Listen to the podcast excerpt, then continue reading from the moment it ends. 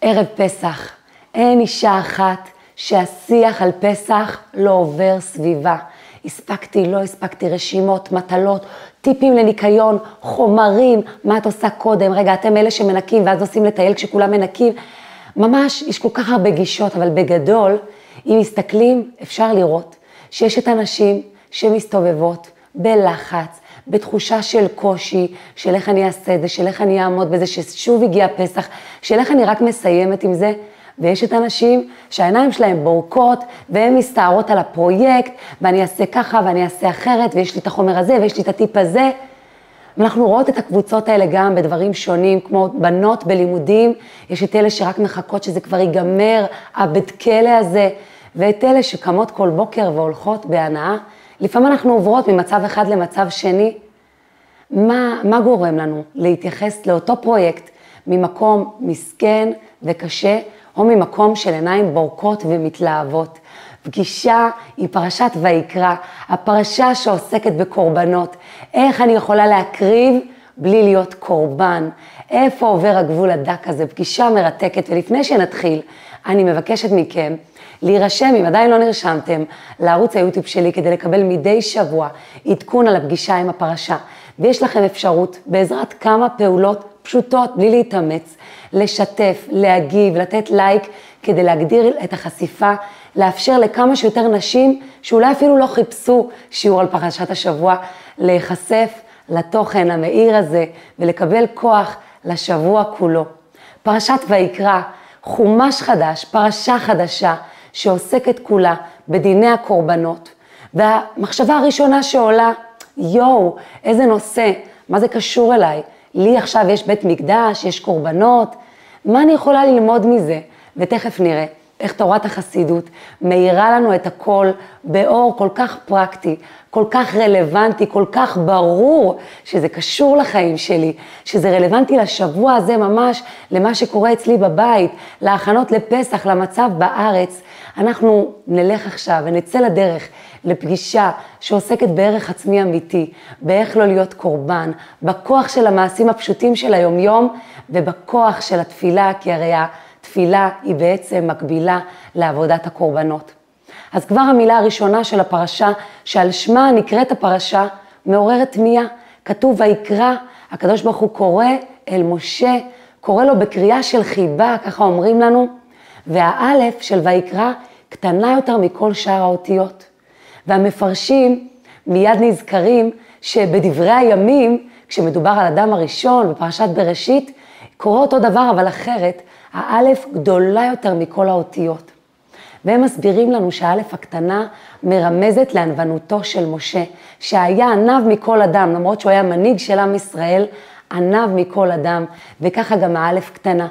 ורואים במצבים אחרים, כשהקדוש ברוך הוא לדוגמה קורא לבלעם, כתוב ויקרא אל בלעם, אין את האלף. אז האלף הזאתי באה להראות לנו קריאה של חיבה, והיא מרמזת לנו גם על ענווה. ויש קשר בין ענווה לבין החיבה הזו. ולפני שאני אסביר אותו, אני אתן קצת דוגמה שאני פוגשת המון ביומיום.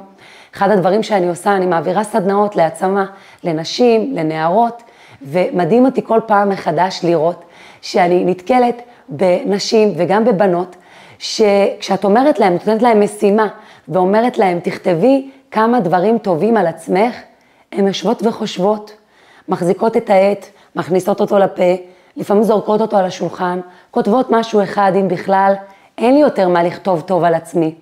וזה כל פעם מפעים אותי מחדש. אין לך מה לכתוב טוב על עצמך? איך זה יכול להיות?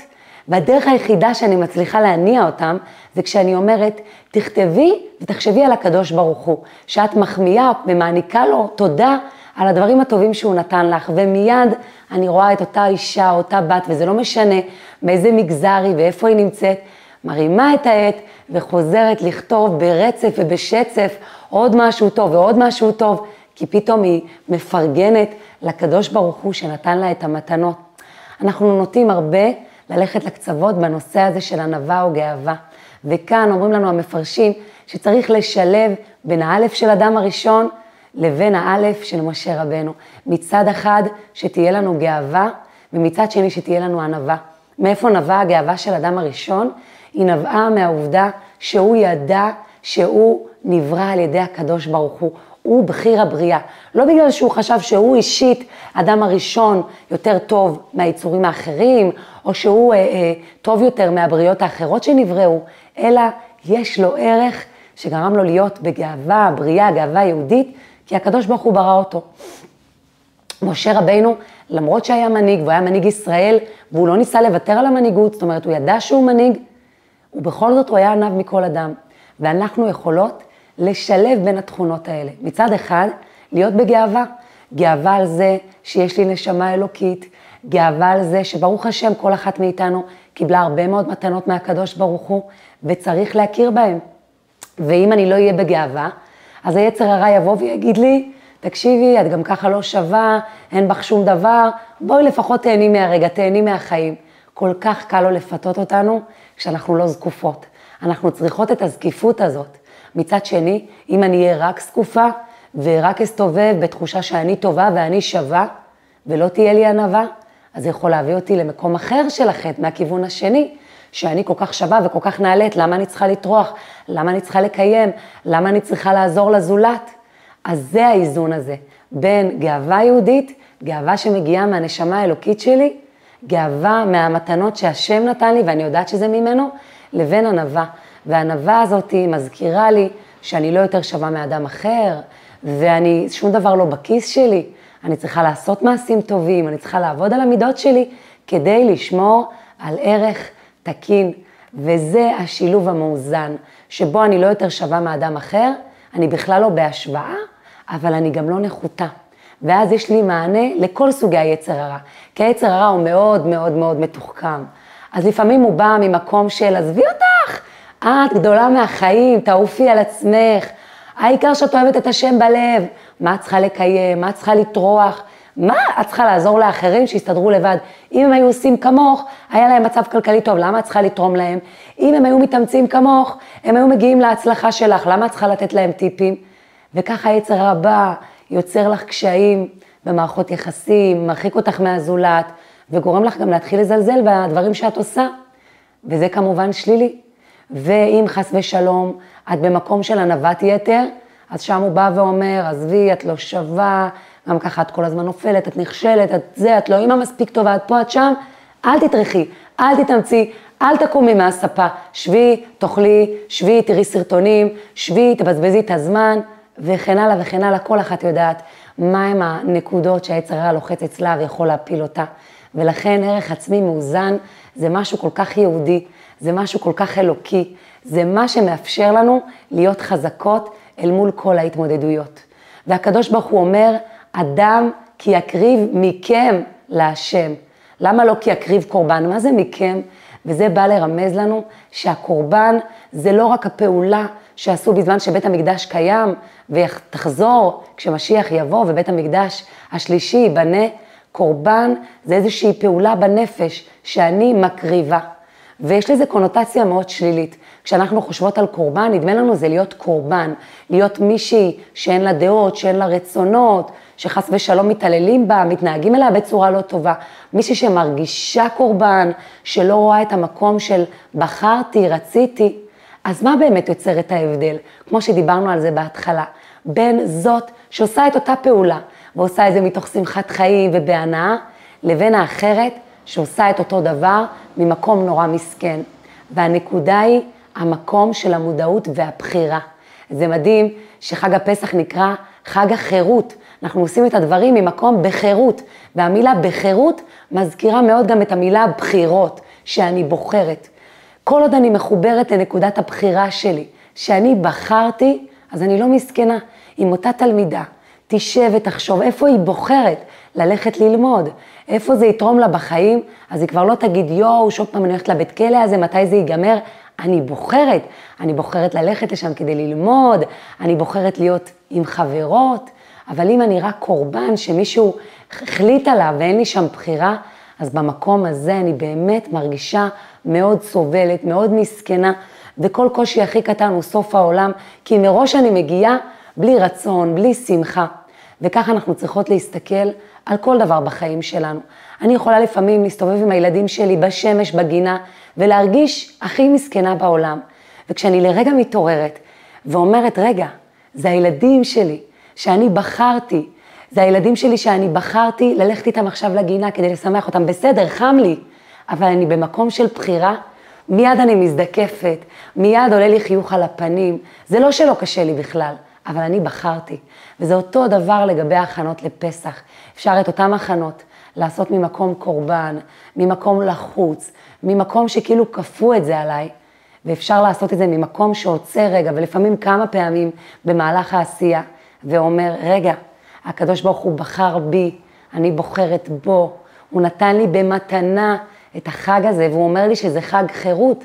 זאת אומרת שהחג הזה יביא לי חירות, זאת אומרת שאפשר לעשות את פעולות ההכנה לחג הזה, אפשר להשתדל לפחות ממקום של חירות, ממקום של שמחה, ממקום שאני יכולה לבחור מה אני עושה קודם, מה אני עושה אחר כך, כמה אני מנקה, אם אני מנקה רק מה שההלכה מבקשת, או שאני מוסיפה יותר מזה. האם אני עושה כי החברות שלי עושות, או אני עושה כי אני בחרתי לחזור למקום של הבחירה, כי יש לנו בחירה. ואחד הדברים שמאוד מאוד עוזרים, ואני יכולה להגיד לכם שכל פעם שזה עולה לי במחשבה, מיד נכנס לי עוד מרץ ועוד חיות, זה כשאני מנקה איזה ארון, או, או, או, או אה, מיטה, או חלון, או לא משנה מה, אני מכוונת לנקות איזשהו מקום בנפש שלי. אני מכוונת לנקות עכשיו את, את האשמה, אני מכוונת לנקות עכשיו את הבושה, את הגאווה, את הביקורת, את הקנאה, כל אחת והתכונות שהיא מרגישה שהכי הכי הייתה רוצה לנקות מליבה, ואז פתאום השפשוף הזה הוא לא סתם איזו פעולה רוטינית, הוא מקבל עוד משמעות, שוב פעם לחזור למקום של הבחירה. הקדוש ברוך הוא לא מבקש שאני אקריב את עצמי, יקריב מכם, אני מקריבה את הרצון, אני לא מקריבה את עצמי, אני בוחרת להקריב, הוא לא מחייב אותי, הוא מבקש ממני כדי לטובתי. כי כשאני שמה את רצון השם במקום הראשון, אני מגביה את עצמי למקום גבוה יותר, למקום של השם. אני נמצאת במקום גבוה יותר. וכאן זה מדהים שאומרים שהקדוש ברוך הוא פונה אל משה בקריאה של חיבה. ובכל אחת מאיתנו יש בה ניצוץ של משה רבנו. ואומר לנו הרבי מלובביץ' שגם אלינו הקדוש ברוך הוא קורא בקריאה של חיבה. הקדוש ברוך הוא אומר, עם זו לי עצרתי, אספר תהילתי. אנחנו בעצם היותנו מספרות את תהילתו של הקדוש ברוך הוא. אנחנו נס מהלך, אנחנו נפלאות הבורא, אנחנו הוכחה לקיומו של השם בעצם היותנו. הקדוש ברוך הוא מתגאה בנו, הוא, הוא ברא אותנו ממקום של חיבה. וכשאני מתבוננת בזה, אני מרגישה הרבה יותר טוב, אני מרגישה את נקודת הבחירה. ולמה הוא קורא לו קריאה של בחירה דווקא, חיבה דווקא במקום שהאלף קטנה? כי מתי אני יכולה לשמוע את הקול האלוקי הזה, את החיבה שלו אליי, להרגיש את אהבת השם, להרגיש שאני לא לבד כשאני בענווה. כל עוד אני בגאווה, אני לא שומעת את הקול האלוקי. כל עוד אני בנחיתות, אני לא שומעת שום קול, אני מרגישה מסכנה. כשאני בענווה, שזה ערך עצמי מאוזן, שנובע מהמקום האלוקי שלי, השמיעה שלי הרוחנית היא מצוינת.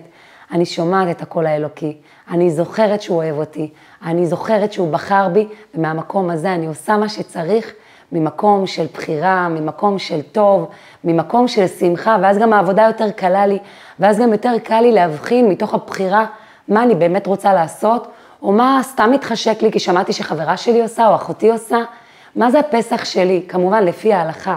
אנחנו יודעות שההלכה לא דורשת כזה הרבה, זה אנחנו מוסיפות ומוסיפות, אז באמת לוודא שאני מוסיפה את מה שבחרתי, וזה בסדר, להוסיף ולהוסיף, אבל ממקום של בחירה. וזה מדהים שהקורבן, אחד הקורבנות שמדובר עליו בפרשה, זה קורבן מאוד מאוד פשוט, קורבן התמיד, שממש היה עשוי מחומרים פשוטים, כן, של דגנים ושמן ודברים זולים. ובכל זאת הוא דווקא קורבן התמיד, ולא הקורבנות מהבהמה שהם יקרים יותר. וזה מראה לנו שהמעשים התמידיים והיומיומיים, יש להם כוח למרות שהם מאוד מאוד מאוד קטנים. הם יוצרים שינוי. כתוב מעט מעט אגרשנו מפניך, את היצר הרע, את השינויים של עבודת המידות, זה דברים שאנחנו עושים מעט מעט, לאט לאט. לפעמים מישהי, אין, היא גילתה את האור וזהו, מחר היא כבר רוצה לקבל על עצמה את כל עול מצוות, ו... והיצר הרע מאוד אוהב את זה, למה? כי הוא יודע, יום, יומיים, חודש, חודשיים, והיא תתייאש, וכמו שהיא קיבלה הכל, חס ושלום עלולה לעזוב הכל. ולכן ברוחניות, התמידים, הדברים שאני רוצה לעשות תמיד, אני מקבלת אותם עוד משהו ועוד משהו, דברים קטנים, דגנים, שמן, חומרים פשוטים, שבגלל הקביעות שלהם והיומיומיות שלהם, הם יוצרים שינוי עמוק. וזה מתחבר לי לכמה דברים. קודם כל, האימהות שלנו. יש הרבה פעמים תקופות עמוסות בחיים, ואז מגיע היצר ואומר לי, יואו, את לא עם הילדים, ואת לא... ואני יכולה לעשות לעצמי את התמידים שלי. והתמידים שלי זה לדוגמה, אני אומרת על עצמי, זה בבוקר להעיר את הילדים בטוב ולהוציא אותם למוסדות הלימוד בטוב, ולא תמיד זה קל. שיש לך איזה ילד בן שנתיים וילדה בת שלוש, שלא מתחשק להם היום להתלבש, שהם רוצים את העוגייה 5,000 בבוקר, ואת צריכה עכשיו להעמיד להם גבול ויש צעקות, אבל את זוכרת, אני רוצה להוציא אותם בטוב. זה התמידים שלי. ובערב אני רוצה להשכיב אותם לילה טוב, בטוב, עם סיפור, קריאת שמע עם מנגינה, עם חיבוק ועוד חיבוק, ואני חוזרת באוזניהם, היום הלכת לגן, ואז קרה לך ככה וככה, ולי זה נותן את ההרגשה של התמידים. הבוקר הזה, המודה אני הזה, הערב הזה, השמע ישראל הזה, גם אומרים איתם מודה אני ושמע ישראל, אבל גם ברמה הרגשית.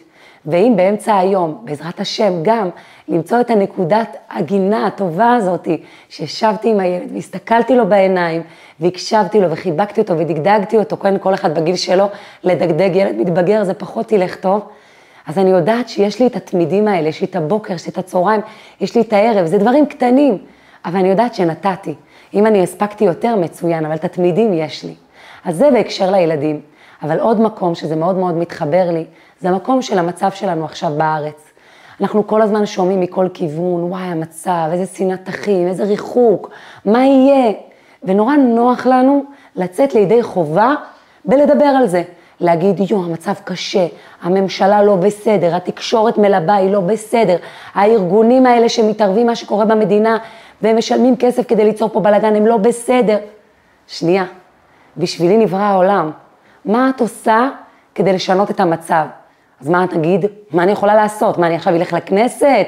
מה, אני אהפוך להיות אשת תקשורת? לא. לעשות תמידים כסדרם, דברים קטנים ביום-יום. אם אני כל יום אחליט שאדם אחד שאני פוגשת אותו והוא לכאורה ממחנה אחר, למרות שכולנו מאותו מחנה ישראל, ואני מתייחסת עוד יותר יפה, ואני יותר מאירה פנים, אז וואו, עשיתי שינוי. ואני אעשה, והאדם הזה יעביר את זה הלאה והלאה והלאה. דברים קטנים, של לתת לאדם לעקוף בפקק, במיוחד אם הוא מגזר אחר. אני עושה ככה חיבור בין אחים, ולעזור בסופר, ובאמת, לעזור, לשים, סתם להסתכל, את יודעת, לפעמים זה קורה לי הרבה פעמים, שאני מסתכלת על אישה אחרת, ואני לא אמרתי לה כלום, אני מחייכת בלב אליה, והיא מיד מחייכת אליי. הדברים הקטנים האלה, הם יוצרים שינוי.